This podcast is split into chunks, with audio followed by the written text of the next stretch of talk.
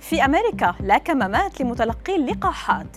تأخير أخذ جرعة اللقاح الثانية يزيد المناعة. سمنة المراهقين تضاعف خطر إصابتهم بسكتة دماغية مستقبلا. أبرز أخبار الساعات الأربع والعشرين الماضية في دقيقتين على العربية بودكاست.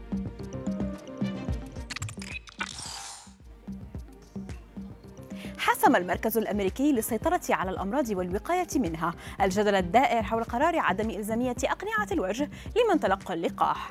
حيث دافعت مديرة المركز عن التوصيات الأخيرة الداعمة للاستغناء عن الأقنعة لمن تلقوا اللقاح ضد فيروس كورونا مؤكدة قدرة اللقاح على وقاية الناس من الفيروس ومتغيراته.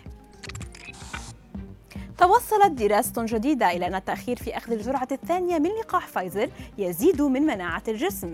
الدراسة التي أجرتها جامعة برمنغهام بالتعاون مع Public Health England وجدت أن الأجسام المضادة للفيروس كانت أعلى بثلاث مرات ونصف من أولئك الذين أخذوا الجرعة الثانية بعد 12 أسبوعا مقارنة بأولئك الذين أخذوها بعد ثلاثة أسابيع.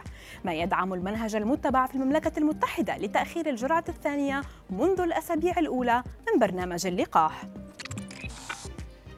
أظهرت دراسة جديدة أن المراهقين الذين يعانون من زيادة الوزن أكثر عرضة للإصابة بالسكتة الدماغية قبل بلوغهم سن الخمسين مقارنة بالمراهقين ذوي الوزن الطبيعي وحسب ما نشرته الديلي ميل فإن المراهقين الذين يعانون من السنة المفرطة إكلينيكيا كانوا أكثر عرضة للإصابة بسكتة دماغية بثلاث مرات وبينما تستمر هذه المعدلات فإن الصلة الدقيقة بين الحالتين لا تزال غير مفهومة بشكل واضح.